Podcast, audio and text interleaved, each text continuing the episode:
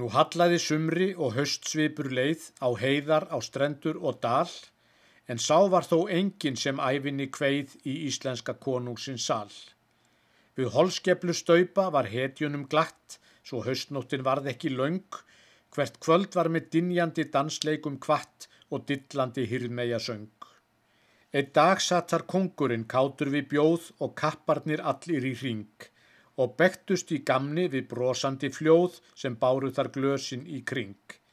Þá dundi við högg sem að hurðinni reið, svo hristist og nödraði gátt og berserkur eitt þar í ómegin leið, kom inn, saði jörundur hátt. Sem bitrasta nákul um bekkina fór, Jón Breski í stofuna trað, svo hár eins og drangur og digrar en þjór að dönglingi gekkan og hvað.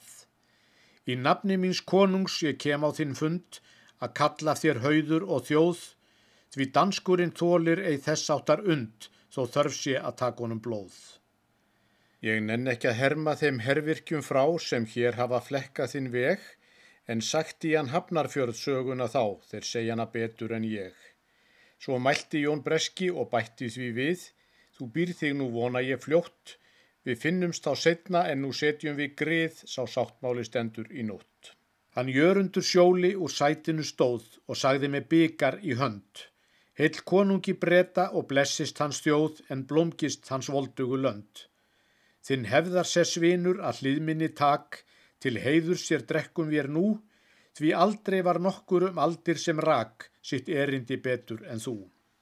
Þá svaraði brettin, minn sess hef ég átt, með siklingi öðrum á bekk. Svo kvattan þar liðið á hermanna hátt og hljóður frá borðinu gekk. Þá hrópaði mildingur mæverða jón að missa því burtu svo fljótt. Ég held að þú gerðir þá gestrisnis bón að gleðja því með oss í nótt.